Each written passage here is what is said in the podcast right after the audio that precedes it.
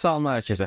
Bugünkü epizodumuzun mövzusu sağlamlıq üçün çox vacib olan yuxudur. Təxmin edə biləcəyiniz kimi açıq yuxunun vacibləyindən danışmağa bəlkə də ehtiyac belə yoxdur. Bunu hamımız uşaqdan böyüyə hər bir kəs bilir və ümumi olaraq da çox zamanda böyüklərimiz tərəfindən bizə düzgün yatmalı olduğumuz, yəni miqdar olaraq və ümumi olaraq keyfiyyət olaraq vacib yuxunun nə qədər bizim üçün vacib olduğu deyilir. Yuxuya qarşı olan ehtiyacımız və tələbimiz yaşımızdan və ümumi olaraq bir çox şeydən asılı olaraq dəyişir. Buna ən sadə misal olaraq balaca uşaqların məsəl üçün böyümək üçün daha çox yuxuya ehtiyacları üçün, daha doğrusu əsasən böyümə ərəfəsini onların yuxu zamanına düşdüyü üçün onlar daha çox gün ərzində yatırlar. Hətta bildiyim qədərilə uşaqlar 18-16 saata qədər, yəni burada tamamilə uşaq deyəndə körpələri nəzərdə tuturam, gün ərzində özlərini 16-18 saat yuxuya verirlər. Amma sözsüz ki, yaş artdıqca bu yuxunun miqdarı və ümumi olaraq yuxuya bədənimizin tələbi müəyyən qədər azalır və hardasa 7-9 saata qədər düşür. Sözsüz ki, gündəlik olaraq aktivliyinizdən də asılı olaraq yuxuya olan ehtiyacınız arta bilər. Məsəl üçün çox yüksək tempoda əgər hər gün məşq edirsinizsə, sözsüz ki, sizin bəlkə də hətta 8-9-10 saat yatmanıza ehtiyac vardır ki, bədəniniz bir növ özünü tam bərpa edib yeni günə və ümumi olaraq yeni məşqə özünü tam hazır hiss etsin. Ümumi olaraqsa yuxu bəs nə üçün vacibdir deyə sorulsa, əslində bir axı qeyd etdiyim kimi yuxuda ümumi olaraq bədənimiz özünü yenidən bərpa edir, özünə gəlir. Yəni bir növ yuxuda olduqda biz bir bir sıra funksiyalarımız bədənimizin e, müəyyən qədər azalır, yəni bəzi funksiyalar artıq dayanır və digər funksiyalar isə işə salınır, hansı ki bu gün ərzində baş vermir. Məsələn, buna ən əsasətən bərpa prosesini deyə bilərik. Yuxuda olanda ümumi olaraq bədənimiz özünü yenidən bərpa edir, yeni günə, yeni stresslə bir növ özünü hazırlamağa çalışır. Bundan əlavə olaraq güclü immunitetimizin olması üçün ümumi olaraq bədən funksiyalarımızdan daha yaxşı istifadə edə bilmək üçün düzgün yuxu qəbul etməliyik. Çünki günün sonunda sabahkı enerjik olmağımız və ümumi olaraq sabahkı produktivliyimiz həmin gecə, daha doğrusu bir gün əvvəl aldığımız yuxudan asılı olaraq çox dəyişəcəkdir. Yuxunun miqdarından əlavə olaraq yuxunun keyfiyyəti də çox vacibdir. Çünki yuxu ümumi olaraq əsasən üç hissəyə ayrılır. Bir növ buna dərin yuxu deyə bilərik. Bir e, biri dərin yuxu, biri REM dediyimiz yuxu, biri isə bir növ e, dərinin əksi olaraq daha belə e, ayıq olduğumuz yuxu əvrəsi deyə bilərik. Hansı ki, bu hissələrdə gözlərimiz daha çox sürətli döyünməyə, daha çox hərəkət etməyə başlayır və s. Əsasən ümumi yuxunun keyfiyyəti əsasən dərin yuxudan asılıdır. Çünki dərin yuxuda bədənimiz adından da təxmin edə biləcəyi qədərlə daha yaxşı özünü bərpa edə bilir və buna görə də ümumi olaraq bədənimizdə dərin yuxunun miqdarı, yuxumuzda dərin yuxunun miqdarını artırmaq müəyyən qədər bunun keyfiyyətini artıracaqdır. Yuxu keyfiyyəti ümumi olaraq yatdığımız e, ətrafdan da asılıdır. Söz ki, məsələn, otağımızın çox qaranlıq olmağı və yaxud da otağı daha qaranlıq eləmək üçün daha smartphone etmək, göz bantlarından istifadə etməyiz və s. bu tip şeylər yuxu keyfiyyətini artıracaqdır. Bundan əlavə olaraq e, yatmamışdan əvvəl mavi işığı kəsməyimiz, e, çox qida qəbul etməmək çünki bir növ mədəmiz dolu olduqda e, bədən o öz fikri bir növ mədəmizdə olur, qidaları həzm etməkdə. Ona görə çox az qarnına, daha çox dolu qarnına yatmaq olmaz, amma həmçinin çox az qarnına da yatmaq olmaz. Çünki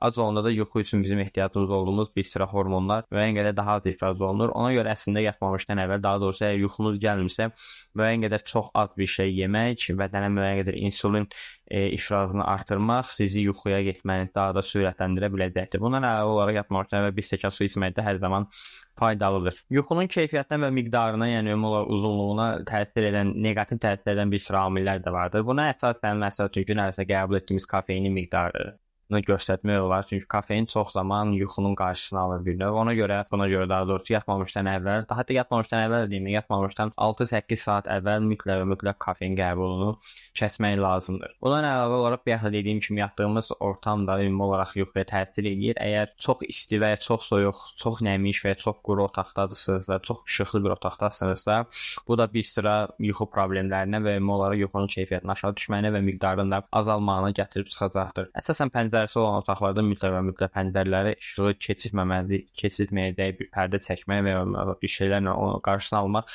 hər zaman yaxşıdır ki, ən azından səhər tezdən 5-6 günə çıxsa yuxunuz bölünməsin. Sözsüz ki, əgər məqsədiniz 5-6 oyanmaqsa bu başqa məsələ, amma ümumi olaraq əsas fokusunuz hər zaman olsun ki, minimum 7 saat və ən azından da ideal olaraq 8 saatlıq yuxunu qətiyyən azaltmayın. Günün sonunda çox zaman bəzən insanlar öz yuxularının miqdarından kəsib digər işlərinə vaxt ayırırlar. Amma çalışın bu etməyin. Çünki günün sonunda əgər az yuxu qəbul qəbul etmisinizsə, onsuz da produktivliyiniz aşağı düşəcək çox böyük ehtimalla.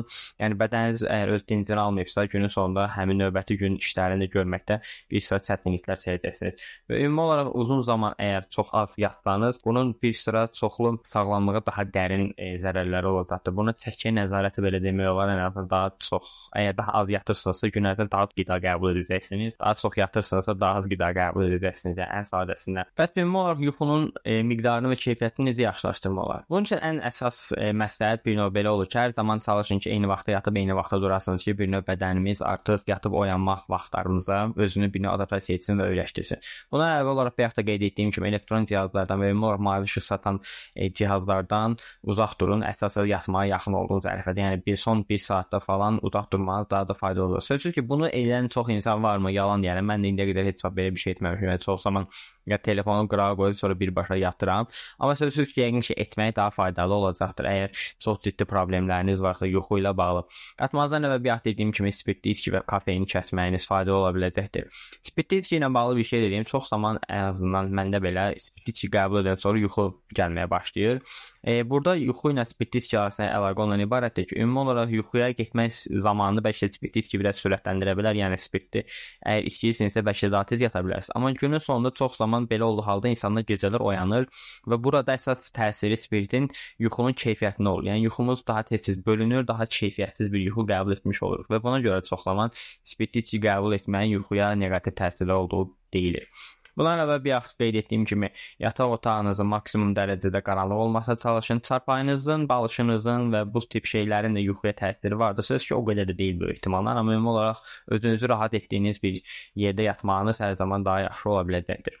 Bundan başqa gün ərzində idman etməyin də həm yuxunun keyfiyyətinə, həm də axşam qəbul edəcəyin yuxuya təsiri vardır. Ümumi olaraq burada həm idman sağlamlığa yaxşı təsir göstərir, avtomatik olaraq bədənimizdəki hər bir şeydə öz müsbət təsirini göstərir. Bundan başqa yuxuya təsir edən birbaşa daha doğrusu təsir edən bir hormonumuz vardır. Bu hansı ki melatonin hormonudur. Bu ümumi olaraq gün ərzində, yəni günəş batdıqdan sonra havalar getdikcə qaranmağa başladıqda melatonin hormonunun ifrazı artır bədənimizdə. Bu da bir növ bədənimiz özünü yuxu prosesindən, yuxu evresinə hazırlamağa çalışır. Ümumi olaraq melatonini e, həb şəklində də, ümumi olaraq tabletə şəklində də apteklərdə və bir çox qida əlavə satılan yerlərdən də almaq olar. Sözsüz ki, müəyyən qədər bu tip hormonları əlavə almaqdan asılı olmamaq çox daha yaxşıdır. Amma ümumi olaraq əgər çox ciddi yuxu problemləriniz varsa, aptek apteklərdən və ya qida əlavəsi olaraq melatonin də almaq olar. Hardasa 3 mq və s. qəbul etməklə yatmamışdan əvvəl qəbul edirsiniz bunu. Ümumi olaraq bir növ bədənin əlavə hormonu verirsiniz və o müəyyən qədər sizi daha da yuxuya hazır edir, yuxuya almağa, daha doğrusu yuxu qəbul etməyə, yatmağa hazır edir. Bundan başqa yuxunun miqdarına belə də bir şey əlavə edin. Məsəl üçün, əgər 7-8 saatlıq yuxu e, qəbul etmək istəyirsinizsə, buna özünüzə belə hesablamalısınız ki, ən azından 9 saat yataqda olmalısınız. Çünki müəyyən qədər yəqin ki, hər birimiz bilirik ki, yəni başımızı yastığa qoyan kimi heç birimiz yatmırıq. Ən azı bir yarım saat yatmağımız çəkir, bir yarım saatda oyanmağımız çəkir özümüzə gəlməyimiz.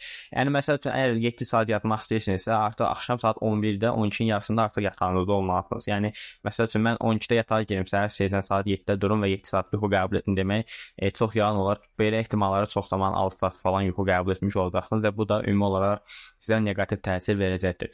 Yuxunun müəyyən qədər bir çox proqramlar da var izləmək üçün telefona yükləyə biləcəyiniz, amma ən yaxşısı yəqin ki, ağıllı saatlardan və ya biləkliklərdən yuxunun qəbul etdiyiniz yuxunun miqdarını və keyfiyyətini nəzarət etməkdir. Ki, əgər e, bu tip cihazlarınız evdə varsa, amma yoxsa belə Yuxuda e, telefonlarınıza bir çox proqramlar yükləməklə əsasən də mən birini deyim, Sleep e, as Android yoxsa Android deyə bir e, proqram var, hansı ki, o mənim də bir müəyyən qədər istifadə etdiyim və ümumi olaraq çox yaxşı proqram olduğunu düşünürəm. Həm e, yatmağa e, insanı hazırlamaq üçün yaxşı, həm də oyanmağa da, özü də sizi oyandırmaq üçün e, ümumi olaraq zəngli saatlardan da istifadə edir ki, səhərlər daha yaxşı oyana biləsiniz. Bu epizodumuzdan da bu qədər. Məni sosial media platformalarında izləməyi unutmayın. Podkastımız haqqında, bu epizod haqqında haqqında və digər epizodlar haqqında fikir bildirmək üçün biz məni Instagramda izləyə bilərsiniz. Həm podkast kanalımızın Instagram profili var, həm də ki mənim öz şəxsi profilim. Orada postun altına e, öz fikirlərinizi bildirə bilərsiniz. Ümumi olaraq yuxu ilə bağlı və ümumi olaraq əgər sizin yuxu problemləriniz varsa və yaxud da ümumi olaraq gün ərzində nə qədər yuxu qəbul etdiyinizi postun altında bildirməyi unutmayın. Hələlik özünüzə yaxşı baxın, görüşənədək.